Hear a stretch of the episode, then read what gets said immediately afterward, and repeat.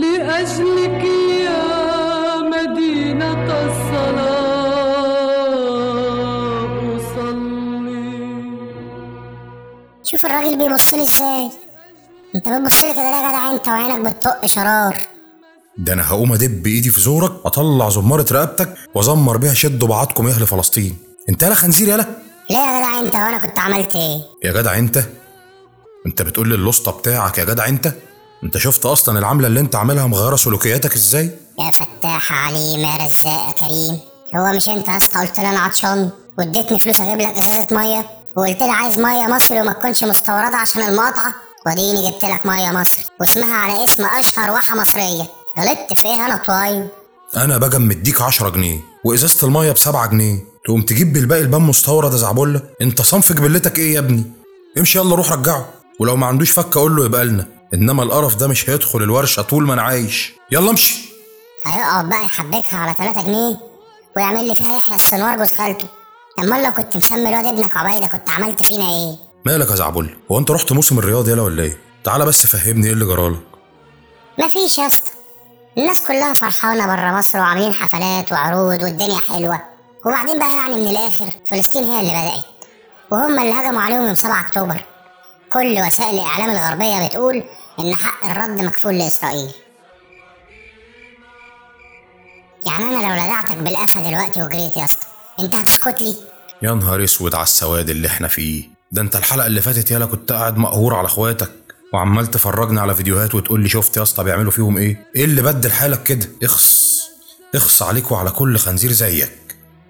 طب تصدق يا زعبله أنا هعمل معاك حاجة لآخر مرة هعملها. أنا هفهمك تاني بشكل أكبر وأوسع ومعلومات أدق إيه اللي بيحصل. وهسيبك تختار.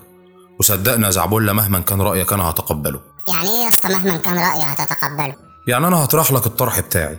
وسواء تقبلت الطرح بتاعي أو ما تقبلتوش هقوم أديك بالجزمة على دماغك يا ابن ال يا بيومي يا بيومي تعال الحقني يا بيومي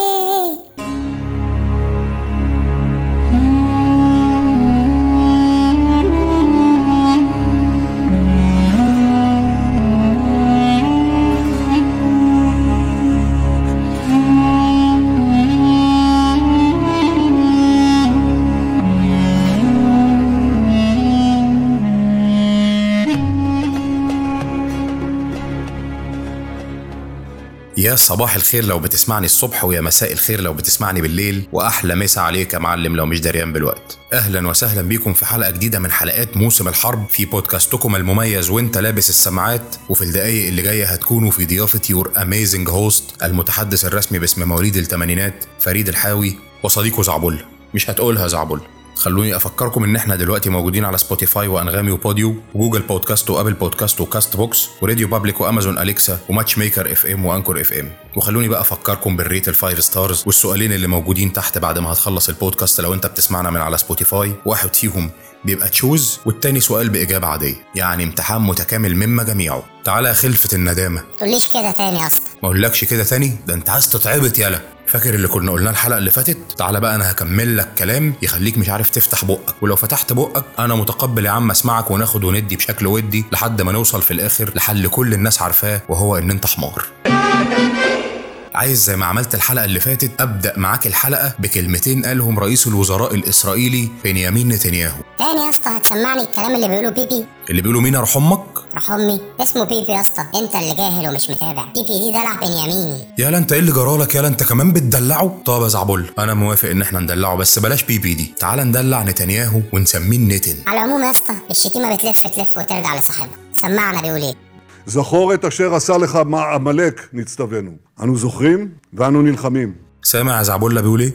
سامع يا اسطى بس مش فاهم برضه. ترجمة الكلام اللي هو بيقوله ده بيقول إن الكتاب المقدس بيأمرنا أن نتذكر ما فعلته عماليق لنا. نحن نتذكر ونحن الآن نحاربهم. فاهم يا زعبلة؟ آه فاهم يا اسطى بس مين عماليق دول؟ لا دي قصة كبيرة أوي بقى يا زعبلة هي قصة عماليق دي هي اللي هتفهمك ليه بني إسرائيل بيتصرفوا كده وإيه الأساس اللي هم ماشيين عليه. مبدئيا كده يا زعبلة أول سؤال هجاوبك عليه مين هم عماليق دول؟ عماليق دول شعب كان عايش على أرض بيؤمن اليهود إن هم اتوعدوا بيها من أكتر من 3000 سنة. وأنا كنت قلت لك قبل كده وقلت لكل الحبايب إن سيدنا إبراهيم في التوراة اتوعد بالأرض اللي هو واقف عليها إن هي تبقى ليه ولنسله من بعده. فعماليق دول كانوا موجودين على الأرض دي. هم مجموعة قبائل بدوية من أول حدود سينا وجنوب غرب فلسطين لحد حدود سوريا الجنوبية وقرب قادش وكانوا دايما مصدر إزعاج لبني إسرائيل.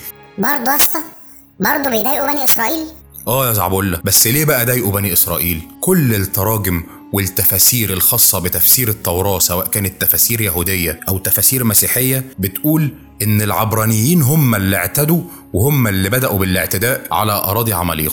ومين العبرانيين دول يا اسطى؟ العبرانيين دول كانت التسمية اللي بتطلق على بني إسرائيل قبل ما ينتشر عليهم اصطلاحا في كل الأرض بني إسرائيل وتسموا العبرانيين لأن هم عبروا من مصر إلى أرض كنعان حتى عبر الأردن فبعبورهم ده بقى اسمهم العبرانيين وتسمت لغتهم اللغة العبرانية أو اللغة العبرية وقامت حروب كتير ما بين عماليق وما بين العبرانيين دول لأن هم كانوا عايزين يعتدوا على ممتلكاتهم وكانوا عايزين يتوسعوا شمالا وشرقا من زمان يا زعبلة والحرب دايرة بينهم. ودايما سبب الحرب بتبقى التطلعات التوسعية لبني إسرائيل أو العبرانيين من 3000 سنة ويزيد.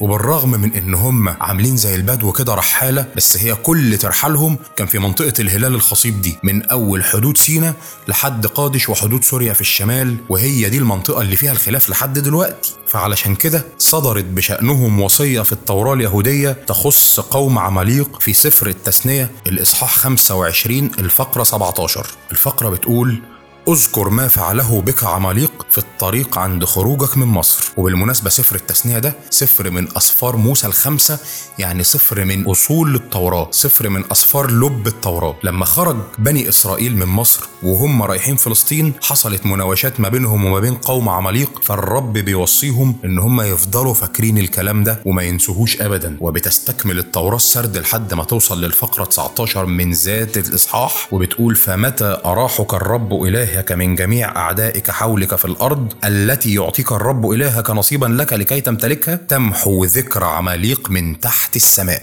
وهو ده اللي بيحصل يا زعبلة المحو من تحت السماء. متخيل الأمر اللي بيعتقد الأتباع فيه إن هو أمر إلهي بيقول إيه؟ أن تمحو ذكرهم من تحت السماء تخلي سماهم الأرض تدفنهم تحت الأرض. ما يبقى لهمش ذكر تحت أي سماء. ما قال لهمش اطردوهم ولا قال لهم اغتصبوهم ولا قال لهم نكلوا بيهم ولا قال لهم ضايقوهم ده قال له تمحوهم من تحت السماء. إبادة جماعية تطهير عرقي هو ده اللي بيحصل يا زعبلة هي دي الفكرة من اللي بيحصل. وللأسف أغلب التراجم وأغلب التفاسير اللي بتختص بالموضوع ده هتلاقيها بتتكلم عن إن عماليق دول ناس غير متحضرين وليهم تصرفات غير إنسانية بالرغم من إن لم يذكر لعماليق أي تصرف غير إنساني. بس هو بما إن حصل بشأنهم قتل وحصل بشأنهم إبادة فخلاص يبقى هم وحشين. أصل مش هنطلع إحنا اللي وحشين مش هنطلع إحنا اللي قتالين قتلة. ولن تتهم ديانتنا بعد إذنكم بإنها ديانة دموية أو ديانة عنصرية. إحنا اليهود ديانتنا ديانة طيبة وديانة متسامحة ولكننا سننفذ الأمر الإلهي بشأن ناس بترتكب بعض الأفعال غير الإنسانية. وهتلاقي اللي بيسقف وهتلاقي اللي بيهلل وهتلاقي مئة ألف جحش بيعمل زي حالاتك. تعيش يا أسطى. بس على فكرة بقى محدش قال الكلام ده يا أسطى. يعني أنت بتكدبنا زعبولة وشايف إن مفيش حد قال الكلام ده؟ طب أنا هسمعك بودنك النتن وهو بيقول الكلام ده علشان ما تجيش تقول لي الحكاية والرواية. Israel is fighting the enemies of civilization itself. Every civilized nation should stand with Israel. Today, we draw a line. between the forces of civilization and the forces of barbarism. It is a time for everyone to decide where they stand. Israel will stand against the forces of barbarism until victory. I hope and pray that civilized nations everywhere will back this fight. اديك سمعت بودانك اهو يا معلم وعلشان كده يا زعبولة هتلاقيهم وهم بيحاربوا الناس غير المتمدنين وهم بيحاربوا الناس غير الحضاريين بيتبعوا اللي قلنا عليه قبل كده في حلقة العهد والوعد والقسم ودي حلقة مهمة جدا. لو أنت عايز تتابع الموسم الجديد لازم تسمعها وبيحذو حذو يشوع بن نون اللي استلم الحكم من سيدنا موسى واللي كان كتابه يعتبر دستور في كل الحروب وهو يعتبر كتاب مقدس وسفر مقدس من أسفار التناخ المقدسة. ولكن قبل ما نتكلم عن الحروب اللي دارت في سفر يشوع خليني أقول لك على حاجة مهمة جدا حصلت في سفر الخروج بخصوص أول حرب يخوضها الشعب ضد عماليق.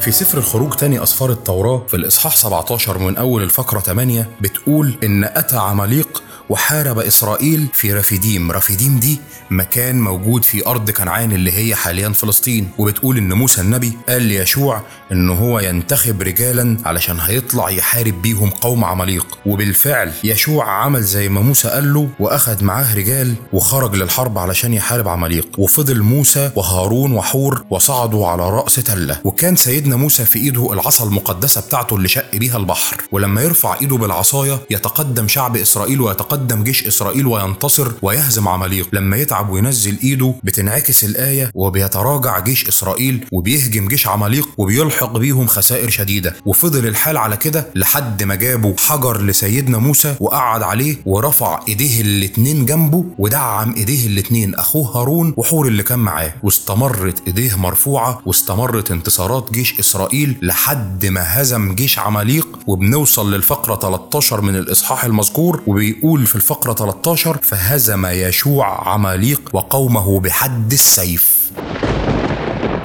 سمع الكلمة يا زعبلة بحد السيف. ده الكلام اللي إحنا بنتهم بيه. ده الكلام اللي اليهود روجوا على أساس إن هو كلام إسلامي وإن هي دي الطريقة الإسلامية في الحرب أو الطريقة الإسلامية في مواجهة العدو. كم مرة سمعت حد من الغرب بيتهم المسلمين بإن هم بيواجهوا أعدائهم بحد السيف. ده كلام غير مذكور عندنا نهائي ولكنه مذكور في التوراة اليهودية ومن كسفتهم حدفوها فينا. ما هي دي إسرائيل؟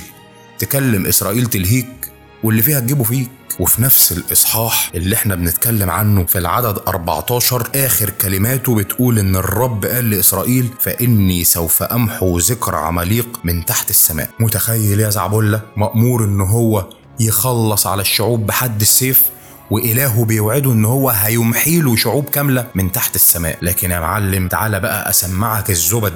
من داخل سفر يشوع الإصحاح السادس العدد 20 و 21 الفقرة 20 بتقول إن الشعب هتف وضربوا الأبواق علشان في حرب وقدروا إن هم يسقطوا سور مدينة كانوا بيحاربوها. وصعد الشعب إلى المدينة كل رجل مع وجهه وأخذوا المدينة. قدروا ينتصروا يا زعبلة الفقرة 21 بتقول وحرموا كل ما في المدينة من رجل وامرأة من طفل وشيخ حتى البقر والغنم والحمير بحد السيف.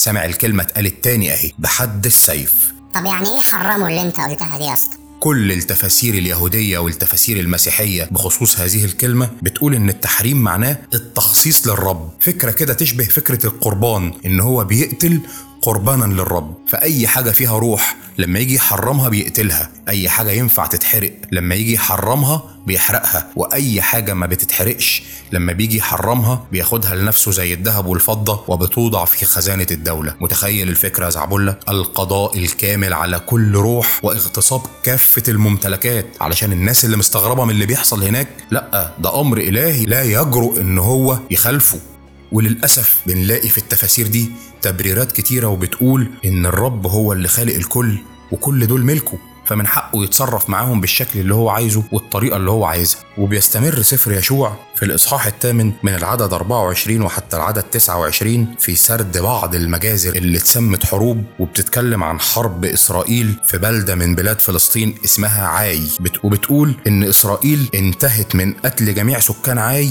بحيث إن هم لحقوهم في الحقل وفي البرية وأسقطوهم جميعا بحد السيف رجعوا إلى عاي وأكملوا قتلا بعد ما خلصوا على الجيش ودخلوا على الشعب أكملوا قتلا فيهم بحد السيف. وكان جميع اللي سقطوا في اليوم ده اثنا عشر الفا جميع أهل عاي. متخيل العدد يا زعبله عشان لما تيجي تقول لي إن من ساعة ما بدأت الحرب لحد لحظة تسجيل هذه الحلقة 21 11 سقط 13350 فلسطيني فيهم أكتر من 5000 طفل. وفي 6000 ما زالوا مفقودين أقول لك عادي. ما هم بقى لهم 48 يوم ولا حاجة و50 يوم بيحاربوا إحنا داخلين على الشهرين. ده في كتابهم المقدس في حرب واحدة في يوم واحد قتلوا 12 ألف بني آدم فدي حاجة مش هتحرك فيهم أي حاجة. قتلوا كل الشعب لكن البهائم وغنيمة تلك المدينة نهبها إسرائيل لأنفسهم. الكلام ده أنا بنقله لك باللفظ ويبرر الكلام ده بيقول حسب قول الرب الذي أمر به يشوع وأحرق يشوع عاي وجعلها ثلا أبديا خرابا إلى هذا اليوم. وملك عاي اتعلق على خشبة لحد وقت المساء وبعد غروب الشمس أمر يشوع بإنزاله وجثته اترمت عند مدخل المدينة ورموا عليها حجارة عظيمة علشان يبقى عبرة لمن يعتبر واللي رايح واللي جاي يشوفه. وبيستكمل سفر يشوع ذكر العديد والعديد من المجازر اللي بتسمى زورا وبهتانا بحروب. ففي الإصحاح 10 العدد 25 بتقول فقال لهم يشوع لا تخافوا ولا ترتعبوا تشددوا وتشجعوا لأن هكذا يفعل الرب بجميع أعدائكم الذي تحاربوهم. وضربهم يشوع بعد ذلك وقتلهم وعلقهم على خمس خشب. وبقوا معلقين حتى المساء. وفي الفقرة 28 بتقول وأخذ يشوع مقيدة في ذلك اليوم وضربها بحد السيف وحرم ملكها هو وكل نفس بها ولم يبقي شاردا. مجزرة تانية وبلد تانية ومدينة تانية. في الفقرة 29 لما بدأ الغزو بتاع المدن الجنوبية بتقول إن يشوع اجتاز مقيدة دي البلد اللي كان أسقطها من شوية وكل إسرائيل معه إلى لبنى وحارب لبنى فدفعها الرب وهي أيضا بيد إسرائيل مع ملكها فضربها بحد السيف وكل نفس فيها لم يبقي بها شاردا وفعل بها كما فعل بملك أريحة مجزرة تانية وبلد تانية ومدينة تانية. راح بعدها البلد اسمها لخيش فدفع الرب لخيش بيد إسرائيل فأخذها في اليوم الثاني وضربها بحد السيف وكل نفس بها حسب كل ما فعل بلبنة. وجي ملك اسمه غرام ملك جازر علشان يعين بلد لخيش اللي هو بيحاربها وضربه يشوع مع شعبه حتى لم يبقي له شاردا. وبعد كده دخل بلد اسمها عجلون وحاربوها وأخذوها في ذلك اليوم وضربوها بحد السيف وحرم كل نفس مجزرة تانية وبلد تانية. وبعد كده دخل حبرون وبعد كده دخل دبير بلد تانية بمجزرة تانية بدم تاني.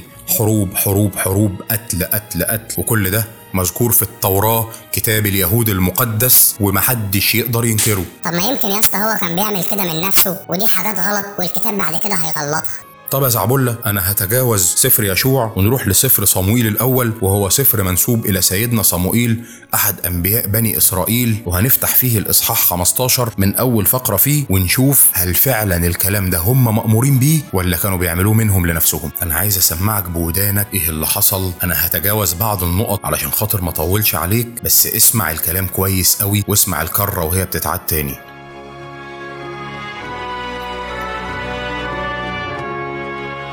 في العدد الأول بيقول وقال صموئيل لشاول وشاول ده هو ملك إسرائيل في الوقت ده أول ملوك إسرائيل اللي كان بعده سيدنا داود. وقال صموئيل لشاول إياي أرسل الرب لمسحك ملكا على شعب إسرائيل والآن فاسمع صوت كلام الرب. هكذا يقول رب الجنود إني قد افتقدت ما عمل عماليق بإسرائيل حين وقف له في الطريق عند صعوده من مصر. يعني مش معنى كده إن اللي حصل حصل وخلاص يشوع خد حقه والموضوع انتهى. لأ ده إحنا كل ما هنشوفه هنمسكه نرنه على عماليق ده. فالآن اذهب واضرب عماليق وحرموا كل ما له ولا تعفو عنهم. بل اقتل رجلا وامرأة طفلا ورضيعا بقرا وغنما جملا وحمارا. فاستحضر شاول الشعب وعده في ظلايم مئتي ألف رجل وعشرة آلاف رجل من يهوذا. لحد كده الكلام واضح. الرب أمره.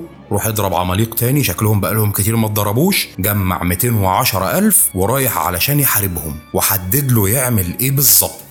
اقتل رجلا وامرأة طفلا ورضيعا بقرا وغنما جملا وحمارا. بتستكمل التوراة سرد القصة وبتقول إن شاول راح مدينة عماليق وعمل زي ما الرب قال له وهزمهم وأسقط عماليق وأصبح دلوقتي في إيده أمر خطير جدا. أمسك أجاج ملك عماليق حيا وحرم جميع الشعب بحد السيف. قتل الشعب كله وما فضلش في إيده غير الملك اللي اسمه أجاج. ولكن شاول أخطأ خطأ رهيب. عفى شاول والشعب عن أجاج وعن خيار الغنم والبقر والثنيان والخراف وعن كل الجيد ولم يرضوا أن يحرموها وكل الأملاك المحتقرة والمهزولة حرموها. خدت بالك عمل إيه؟ طلع عنده ذرة إنسانية وساب الملك قتل كل الحيوانات الضعيفة وساب الحيوانات القوية مع إنه مش مأمور بكده أكيد الرب هيسامحه صح يا زعبولة؟ أكيد طبعا يا أسطى ربنا كبير الفقرة عشرة من نفس الإصحاح بتقول وكان كلام الرب إلى صموئيل قائلا ندمت على أني قد جعلت شاول ملكا لأنه رجع من ورائي ولم يقم كلامي. متخيل يا زعبلة مأمور بقتل كل الأرواح الحية اللي موجودة في المكان ولما تنازل وساب إنسان واحد لأنه ملك زيه زيه؟ بتقول التوراة وحاشا لله طبعا إن ربنا ندم على اللي حصل وندم على القرار اللي خده بإن هو خلى شاول ملك على بني إسرائيل زعبولة أنا عايزك تاخد بالك من حاجة مهمة جدا أنا هسمعك دلوقتي تاني بودنك ولآخر مرة كلمتين قالهم النتن بخصوص هذه الحرب الدائرة الآن بخصوص معركة طوفان الأقصى Victory over these enemies begins with moral clarity. It begins with knowing the difference between good and evil, between right and wrong. سامع بيقول إيه يا زعبولة؟ بيقولوا إن دي حرب ما بين الخير والشر حرب ما بين الحق والباطل ووالله العظيم هو معاه كل الحق. بس للأسف اختلط على العالم واختلط على الجميع وأنت واحد من الناس اللي كان اختلط عليك الأمر مين هو الحق ومين هو الباطل؟ مين هو الصح ومين هو الغلط؟ مين هو الخير ومين هو الشر؟ الأبواق الإعلامية على مستوى العالم كلها تحت قبضة اليهود. هم اللي بيقولوا إيه يتقال وإيه ما يتقالش. هم اللي بيبعتوا السكريبتات لأكبر المنظمات الإعلامية في العالم. علشان كده هتلاقي إن الناس بالرغم من كل اللي أنت سمعته وبالرغم من كل اللي أنت بتشوفه بيقولوا إن إسرائيل بتدافع عن نفسها. قتل 5500 طفل. بعض الناس شايفينه دفاع عن النفس. قتل أكتر من 1600 امرأة. في ناس كتير شايفاه دفاع عن النفس. دي مجازر بتحصل وهتفضل تحصل. حتى لو الغرب غير رأيه ده شيء ما يخصش إسرائيل. ده شيء ما يشغلش إسرائيل. هم حجموا العالم كله بالهولوكوست وأصبح الكل خايف ومرعوب يوجه لهم أي اتهام. لا يجرؤ إن هو يبص لهم بصة تضايقهم. هم يقتلوا هم يذبحوا هم يعملوا اللي هم عايزينه. وللأسف الكلام ده موجود في التوراة يعني موجود في كتاب هم بيعتبروه كلام منزل من عند الله. فلا يجرؤ حد إن هو يقول لهم ما تعملوش كده. أنت اللي بيقول لك ما تصليش اللي بيقول لك ما تصومش بتواجهه بكل ما أوتيت من قوة. هم هيعملوا معاك كده برضه لو أنت حاولت توقفهم عن حروبهم المقدسة علشان كده أقل القليل تخلي عندك دم وتستمر في المقاطعة. دول مش يومين ولا ثلاثة وكل مرة هفضل أفكر نفسي وأفكركم. المقاطعة المقاطعة يا جماعة. المقاطعة المقاطعة يا حبايب. اوعى تستغنى عن المقاطعة. اوعى تعملها معاملة الموضة. اوعى تعملها معاملة الترند. هي المقاطعة الحاجة اللي إحنا بنبدأ بيها. وإن شاء الله إن شاء الله هيجي اليوم اللي نعمل فيه حاجة أكبر من كده بكتير. لا يا اسطى أنت عندك حق. تصدق بالله إن الواحد حتى يدي نفسه إن هو يفكر في اللي بيحصل بعد كل اللي سمعه ده؟ دي تعتبر خيانة يا اسطى. طب دي ناس يا اسطى شايفة إن هي بتعمل كده عشان ترضي ربنا. إحنا نقدر نعمل معاهم إيه؟ إحنا نقدر نعمل معاهم حاجة مهمة جدا وكبيرة جدا غير المقاطعة. الموضوع لازم يكون فيزيكال الموضوع كله بيتلخص في كلمتين. قالهم الملثم قال وإنه لجهاد نصر أو استشهاد.